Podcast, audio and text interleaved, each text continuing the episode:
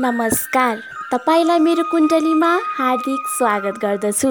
पौष शुक्ल पक्षको पूर्णिमादेखि माघ शुक्ल पूर्णिमासम्म श्री स्वस्तानी माताको व्रत पूजा आराधना गरिन्छ र उनकै महिमाको कथा वाचन गर्ने गरिन्छ। अब तपाईँ मेरो कुण्डली एप मार्फत श्री स्वस्तानी कथा श्रवण गरी आध्यात्मिक लाभ लिनुहोस्।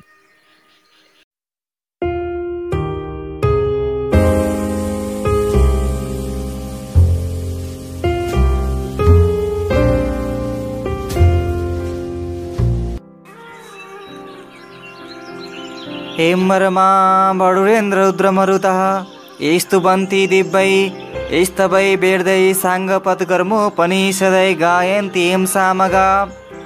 ध्यानावसित तेन मनसा पश्यन्ति येन योगिनो। यशान्तनविदु सुरसुरगणा देवाय तस्मै नमः। श्रीमर्चन्दचर्तित्व जल बपु మాలాలంకృతకుండలా పర్వీల సమ్ముక్తావళి శోభిత. సర్వజ్ఞాన నిదాన పుస్తకధర రుద్రాక్షి మాలాకర. భాగదేవి బదనంబుజేవ వసతు మే తలోక్య మాతాచిరం మకుం కరోతి బాచలం పంగులంగే తిగిరిం. యత్కృపాతహం వందే పరమానందమాధవం నమో భగవతే తస్మై వ్యాసాయామి తేజసే. यस्य प्रसादाचामि नरकताम्यहम् नारायणं नमस्कृत नरचैव नरोत्तम देवीं सरस्वती व्यास ततो जय मोदीर हरे नमः।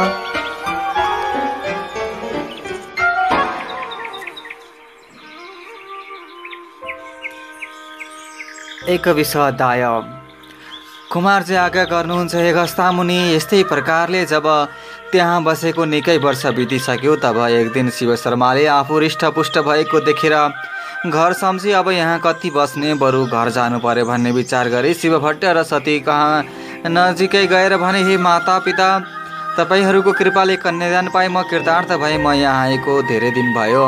घरमा हेरचाह गर्ने कोही छैन आज्ञाले घर जाने थिएँ। ज्वाइँको यस्ता कुरा सुनि शिव भट्ट भन्दछन् हे ज्वाइँ यो पनि तिम्रै घर हो। हाम्रो पो के को छ र हामी पनि तिम्रै हौँ सम्पत्ति पनि तिम्रै हो अत जान्छु नभन त्यति सुनेर शिव शर्मा भन्दछन् हे मा हे पिता एकपल्ट जान देऊ नरोक। घरको हेरचाह गरेर म बरु छिट्टै आउनेछु। मेरो पनि को छ र माता पिता सबै तिमी इष्टमित्र पनि तिमी हितु पनि तिमी गुरु र देवता पनि तिमी मन परेको खाना लाउन ती पाल्ने यस्ता तिमीलाई छाडेर म कहाँ जान सक्दछु? यति आफ्ना स्वामीले पितासित कुरा गरेको सुनि गोमा बरुवाले भने हे स्वामी कहीँ पनि जाने मन नगर। तिमी जाने भए मलाई पनि साथी लैजाऊ अन्यथा म जान दिने छैन। तिमी बिना म कसरी बस्न सक्नेछु? यति गोमाले भनेको सुनि शिव शर्मा भन्दछन् हे स्त्री तिम्रो बाल अवस्था छ। मसित जान सक्ने छैनौ किनभने हाम्रो घर धेरै टाढा छ। पहाड चढ्नु पर्दछ र अनेक दिन बा वनमा बाँस बस्नु पर्दछ फेरि वनमा अनेक जन्तुको डर हुन्छ। तिमी आफ्नो इच्छामा बसे कि घरबाट कहिल्यै ननिस्के कि शीत ताप भोक प्यासले कष्ट पाउली फेरि मेरो वृद्ध अवस्था छ। बाटोमा कसैले दगा गरी तिमीलाई हरण गरेर लैजाला। यसकारण तिमी यहीँ बसेर म घर गई खबर बुझेर छिटै फर्कनेछु।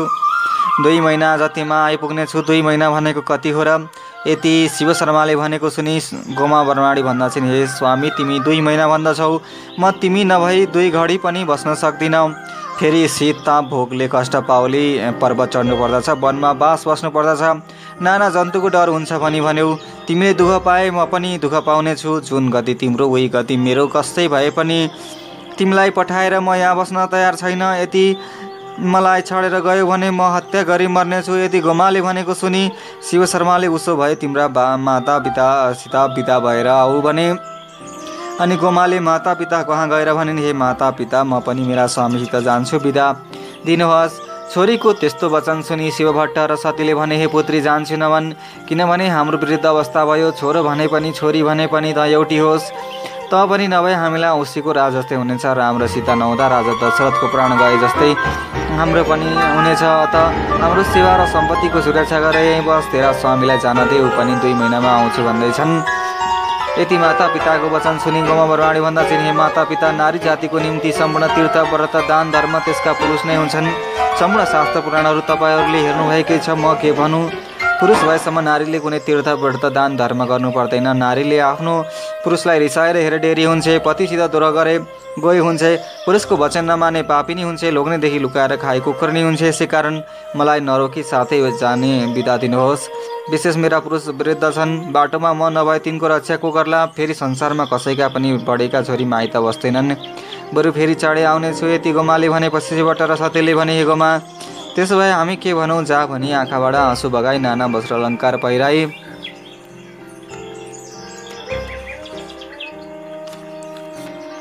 पहिराई प्रशस्त सम्पत्ति समेत डोलीमा बसाली नगरको बाहिरसम्म पुर्याउन गए।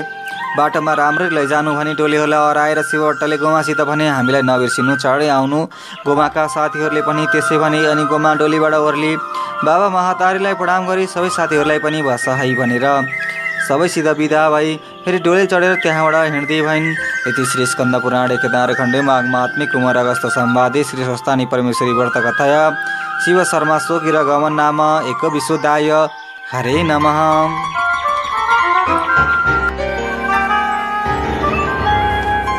द्वाविश्व दाया कुमार जय आज्ञा गर्नुहुन्छ गस्ता मुनि शिव शर्मा बर्माड र गोमा बर्माडी त्यहाँबाट हिँडेपछि शिवबाट र सतीले आँखाले नदेखेसम्म हेरे देखिन छाडेपछि वृक्षमा चढेर हेरे। जब वृक्षबाट पनि देखिन छाड्यो त्यही वृक्षको हाँगामा बसेर अनेक विलाप गर्न लागे दैव संयोग त्यसै बखत रुखको हाँगा भाँचिएर दुवै स्त्री पुरुष वृक्षबाट लडेर मरे। तब ती श्री महादेवका दूत आई विमानमा बसालेर कैलाशपुरी लागे।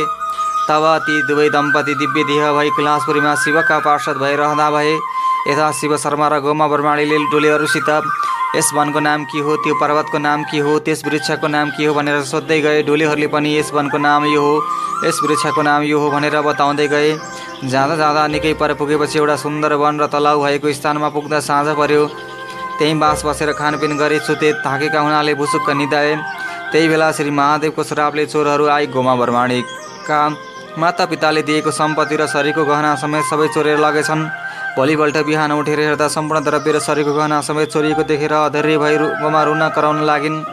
तब डोलेहरूले भने ए गोमा नरौ थाकेका हुनाले हामीलाई पनि साह्रै निन्द्रा परेछ यस्तो नजाति भयो हामी अभागी रहेछौँ अब तिम्रा मातापितालाई के भनौँला? अब तिमीले जसो भन्दछौ यति भनेको सुनि गोमा भन्दछिन् हे भार भएको अब तिमीहरू यहीँबाट फर्क। तिमीहरूलाई लगेर के खाना दिउला यो समाचार मेरा माता पितालाई सुनाइदिनु।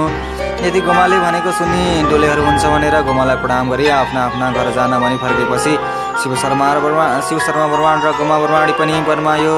जो पाइएको फलफुल खाई त्यहाँबाट ठुलो पर्वतमाथि पुगे अनि गोमा भन्दछन् हे स्वामी मलाई अत्यन्त भोक लाग्यो अब हिँड्न पनि नसक्ने भएँ के गरौँ भनी बाटोमै अलपत्र परिन्। गोमा बर्मा बर्माणी गरिबडी थिइन अत शिव शर्मालाई साह्रै दया लाग्यो र गोमालाई काखमा राखी स्नेहपूर्वक भने स्त्री यहाँ फलफुल केही पनि पाइनँ यहाँ जलाशय पनि छैन यस्तो स्थानमा म तिमीलाई के खान दिउँ यहाँबाट अलि पर गए फलफुल पनि पाइन्छ र जलाशय पनि छ। जाउँ हिँडा पनि बुझाएँ हात समातेर सुस्त सुस्त हिँडाइ लगे। गोमा पनि हे प्रभु आज मेरो यो अवस्था भयो भन्दै सुस्केर हाल्दै बिस्तार बिस्तार गइन्। पर्वतको फेदीमा पुगेपछि शिव शर्मा ब्रह्माणले फलफुल टिपेर खान दिए र पानी पनि पिउन दिए। अनि यस स्त्री अब हाम्रो घर पनि आइपुग्यो भन्दै चन्द्रज्योति नगरको बाहिर पुऱ्याए अनि त्यही एउटा खरको झोपडी उत्पन्न गरी हे स्त्री हाम्रो घर यही हो भनी देखाएर गोमा बुढाणी घरभित्र गएर हेर्दा माकुराको जालो र कसिङ्गर मात्र देखेर आफ्ना मातापिताको घर सम्झी बहुतै अध्यय भइरुन लागिन्। फेरि मेरो कर्मले यस्तै पारिलायो अब रोएर केही लाभ छैन भनी धैर्य धारण गरेर कुचेले माकुराको जालो मिल्काई कसिङ्गर बढारिन् घरमा जे खाएको खाएकोमा बुढाणी दुःखको समुद्रमा डुबिरहन्। त्यसपछि एक दिन शिवशरण बुढाणले आफ्नी पत्नी गोमासित भने स्त्री त गर्मिणी भइस् हाम्रो घरमा सम्पत्ति छैन। गर्भधान कर्म कसरी गर्ने फेरि सुत्केरीमा के खर्च गरौला यस निम्ति म परदेश गएर कसैसित केही मागी ल्याउँछौ। तैँले आफ्नो शरीर र घरको रक्षा गरेस् केवल रोइ कराई मात्र नरहेस् भने आफ्ना स्वामीको त्यस्तो वचन सुनि गोमाले भनिने स्वामी मलाई यस्तो अवस्थामा एक्लै छाडी कहाँ जान मन गरेका? म स्त्री जातिले के गर्नेछु के खाने? फेरि मलाई यहाँ को देला विशेष तपाईँ वृद्ध भएकालाई कसरी पठाउँ? यही यजमानहरू कहाँ गई जो मिलेको? मागेर ल्याइ सञ्चय गरौँला। अत कहीँ पनि जाने मन नगर्नुहोस् भनिँदा शिव शर्मा फेरि भन्दा चाहिँ स्त्री हामी निर्धन भए पनि ब्रह्माण्डको कर्म नगरी हुँदैन। एक महिनामा म आइपुग्नेछु त्यस त्यससम्म खान नपुगे चन्द्रज्योति नगरमा यजमानहरू छन्। तिनका घर गई भिक्षा मागेर खाएस् भने बुझाए यति। आफ्ना स्वामीले भनेपछि गोमाले मन्जुर गरिन अनि शिव शर्मा भिक्षा माग्न भनी परदेश हिँडे। एक दुई दिनको बाटो हिँडेपछि गङ्गाको तटमा ऋषिहरूको आश्रममा पुगे। त्यहाँ वृद्ध अवस्था भएका दुई पति पत्नी बरवाड बरवाडी बसेका थिए। त्यहाँ शिव शर्माले गङ्गा स्नान गरेर ती वृद्ध दम्पति कहाँ गई मलाई? नित्य पूजा गर्न फलफुल देऊ भनी मागे। ती ऋषिका आश्रममा प्रशस्त फलफुल थिए। ती शिव शर्माको कुरा सुने ती वृद्ध दम्पतिले तिमी को हौ कहाँबाट आयो भनी सोधे अनि शिव शर्माले म चन्द्रज्योति नगरको शिव शर्मा नामको वरण हुँ। घरमा पत्नी गर्भवती हुनाले गर्भधानादि कर्म गर्न भिक्षा माग्न हिँडेको भने तब ती वृद्ध ब्रह्माणले आफै टिपेर लैजाऊ भनेर ती शिव शर्मा आफै वृक्षमा चढी फलफुल टिप्न लागे। त्यसै अवसरमा सनेगले रुखको हाँगा बाँची शिव शर्मा रुखबाट लडेर मरे। ती शिव शर्मा मरेपछि महादेवको रूप धारण गरी कैलाश पुगे। पार्वतीले महादेव आउनुभएको देखिन् र सुनको कमण्डलले पाउ धोइ भित्र लगेर बसालेपछि भनिन् हे ईश्वर लोग्ने मानिसहरू पापी हुँदा रहेछन् राम्री सस्नी पाएपछि सबै कुरा बिर्सदा रहेछन्। हजुरले पनि मलाई बिर्सनु भएको थियो बल्ल सम्झनु भएछ र आउनुभयो हेर सुखमा बसेकी त्यो गोमालाई कल बल छलले ल्याएर गर्भिण तुल्याई दुःख दिई त्यस्ता स्थानमा एक्लै मिल्काएर आउनुभयो। अब त्यो के गरेर खालि यति पार्वतीले भनेको सुनि महादेवले हाँस्दै भन्नुभयो प्रिय सेवक र भक्तभन्दामा पाप पनि गर्नुपर्दछ। गोमा पनि अब सुखी हुनेछ सन्देह नगर त्यसपछि भिक्षा माग्न गएका शिव शर्मा धेरै दिन बितेर पनि फर्किन गोमाले अनेक दुःख सही चन्द्रज्योति नगरमा गएर भिक्षा मागेर ल्याई गरौदान कर्म गराइन्। मास पूर्ण भएर सबै राजलक्ष्मीले युक्त छोरो जन्मियो। गोमाले चन्द्रज्योति नगरबाट ब्रह्माणहरू डाकी ब्रह्माणका मर्यादाले नामकरण गराइन्। ती ब्रह्माणहरूले ज्योतिषशास्त्र विचार गरेर नवराज नाम राखेकी थिए घर जाने बेलामा हे गोमा यो बालक सबै राजलक्ष्मीले युक्त छ र राजा पनि हुन हुन सक्दछ र तिमीलाई सुख सन्तोष दिनेछ। यसमा शङ्का नमाने। यति ब्रह्माण्डहरूको वचन सुनि गुमाले मनमा आनन्द मानी। श्रद्धा साथ भोजन दक्षिणा दिई विदा गरिन्। त्यसपछि मा बालकलाई गुमाले अर्काको ढिकी जाँतो गरी ताकुकातिर पालन गरिन्। नवराज बालक पनि शुक्ल पक्षका चन्द्रमा जस्तै प्रतिदिन बढेर अलि ठुलो भई खेल्न जाँदा मित्रहरूले जे भने पनि सुनिरहन्थे झगडा गर्दैनथे। खेलिसकेर सरासर घर आउँथे। आमाले जो दिएको खाएर सन्तोषले रहन्थे आफ्ना छोराको स्वभाव देखेर गोमा प्रसन्न भई यजमानहरू कहाँ गएर भनिन् हे यजमान हो? मेरो छोरो नवराज आफ्ना साथीहरूसँग खेलेर घर आउँछ खाना देऊ पनि भन्दैन किन दिनौ पनि भन्दैन रिस पनि गर्दैन।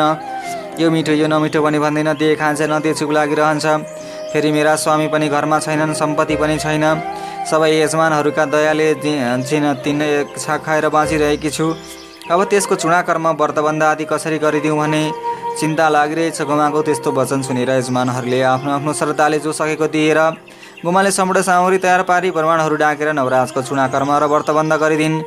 अनि वेद पुराण आदिको शिक्षा दिलाइन्। एक दिन नवराजको चालचलनले प्रसन्न भएका यजमानहरू स्वयं गोमा कहाँ गएर भने हे गोमा नवराजको विवाह गर्ने भए वरुणपुरका अग्नि स्वामीकी कन्या चन्द्रावती छिन् तिनीसित गरिदिउँ।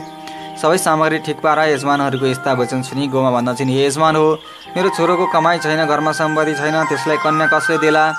विवाह कसरी गरिदिने? यति सुनेर यजमानहरूले भने हे गोमा जे चाहिएको सामग्री हामी दिन्छौँ के चाहिन्छ यति यजमानहरूले भनेपछि गोमा भन्दछन् यजमान हो हामीलाई निर्धन जानेर तिमीहरूको यस्तो दया हामी धन्य रहन्छौँ भनेर विवाहको समस्त सामग्री जे जे चाहिएको थियो।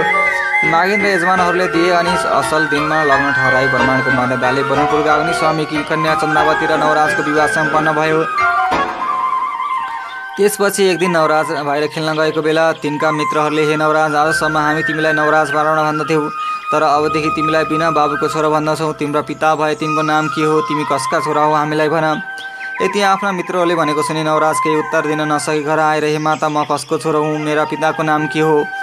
भनी साथीहरूले भनेको सारा कुरा मलाई सुनाए अनि मेरा पिता कहाँ छन् भनेर सोधेर नवराजको यति कुरा सुन्नासाथ गोमाले वर्षाकालमा मेघ वर्षे चाहिँ अविरल आँसु बगाई हे नवराज मे तेरा पिताको नाम शिव शर्मा हो त गर्भमा छँदै भिक्षा माग्न प्रदेश गएका आजसम्म फर्केनन्। कतै केही कारण परेर रोकिएका छन् कि संसारमै छैनन् थाहा पाउन सकिन। यति गोमाले भनेको सुनि नवराज भन्दछन् हे माता त्यसो भए मलाई आज्ञा दिनुहोस् कहाँ बसेका छन् म गई विचार गरेर आउँछु नवराजको यस्तो कुरा सुनेर गोमा भन्दछन् हे पुत्र तेरो मुख हेरेर तेरा पितालाई बिर्सिरहेकी थिएँ अब तैँले पनि छाडेर गए म कसको आधारले बाँच्ने? फेरि त गएपछि तेरी पत्नी चन्द्रावती पनि माइत जानेछ। यसकारण कहीँ पनि जान्छु नभन् गोमाले भनेको सुनेर नवराज फेरि भन्दछन् हे माता म केही भन्दछु सुन्नुहोस्।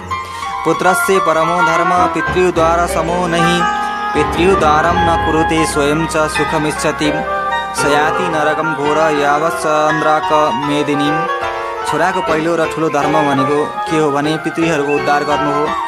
जुन छोरो भएर पितृको उद्धार नगरी केवल आफ्नै सुखभोगतिर लागिरहन्छ भने त्यो जबसम्म पृथ्वी र चन्द्र सूर्य रहन्छन् तबसम्म घोर नरकमा पर्दछ। अत म गर्भमा छँदै गएका पिता मेरो यो उमेर हुँदा पनि किन फर्केनन्? मरिसके कि जीवित छन्? त्यो त्यसको विचार मैले नगरे कसले गर्छ? मरेका भए निश्चय गरेर आउला बाँचेको भए साथमा लिएर आउँछु। यति पनि नर यति पनि गर्न नसके मैले जन्म लिएको व्यर्थ छ हे माता। हजुरको सेवा गर्न बुहारी छँदैछ मलाई बिदा दिनुहोस् म जान्छु। नवराजका यस्ता कुरा सुनेकोमा भन्दा चाहिँ पुत्र त धन्य रहेछस्। तेरा पिता मरेका भए पनि बाँचेकै भए पनि चाँडै नै खबर पाएस् भनी शिरमा हात राखेर आशीर्वाद दिन्। नवराजले माताको आशीर्वाद आपी दण्डबाट प्रणाम गरी स्त्री चन्द्रावतीलाई हराउने कुरा हराई पिताको खबर गर्न पर्दै सुने जाँदा जाँदा केही दिनमा गङ्गाको तटमा ऋषिका आश्रममा पुगे त्यहाँ अत्यन्त वृद्ध भइसकेका ब्रह्माण र ब्रह्माणीलाई देखेर सोधे तिमीहरू को हौ?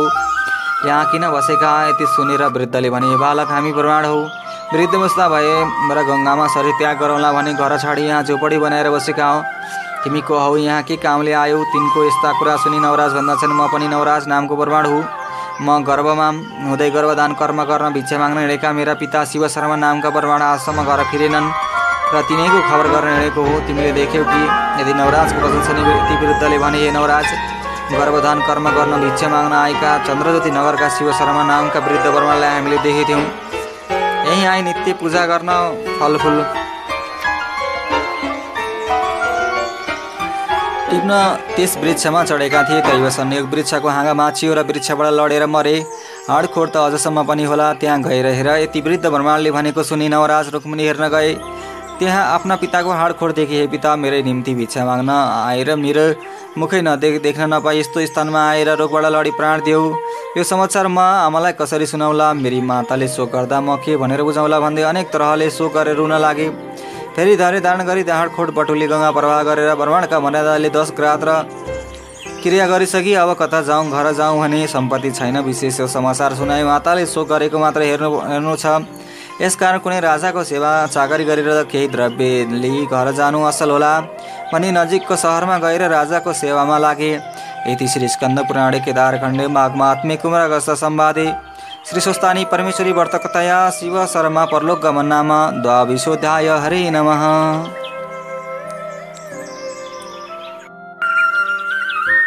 उपनये तु मङ्गलव सकलजगन्मङ्गलालय श्रीमान् दिनकरकिरणनिबोधित नवनलीनदलनिवीक्षणः कृष्णकाले वर्षतु, पर्जन्ये पृथिवी सस्याशालिनी देशोऽयं शुभरहितो वर्माणा सन्तु निर्वया। अपुत्रा, पुत्रिण सन्तु पुत्रिण सन्तु, पौत्रिण, निर्धना सदना सन्तु, जीवन्तु, सरदा शतं तत्रैव गङ्गा, यमुना च, तत्र गोदावरी, सिन्धु, सरस्वती च। सर्वाणि वसन्ति तत्र कथा प्रसङ्ग। या कुन्देन्तु तुषहारहार धवला या शुभ्रवस्त्रावृता या वीणावरदण्डमण्डितकरा या श्वेता पद्मासना, या वर्माच्युत शङ्कर प्रवृत्ति दीर्घै सदा वन्दिता। सामं पातु सरस्वती भगवती निशेष जाटेपः कायेन वाचा मनुष्यन्द्रियर्वा बुधत्मना वा प्रकृतिस्वभावत् करोमि यद् सकलं प्रश्मै नारायण इति समर्पये तत् श्रीस्वस्थानि दिव्यार्पमस्तु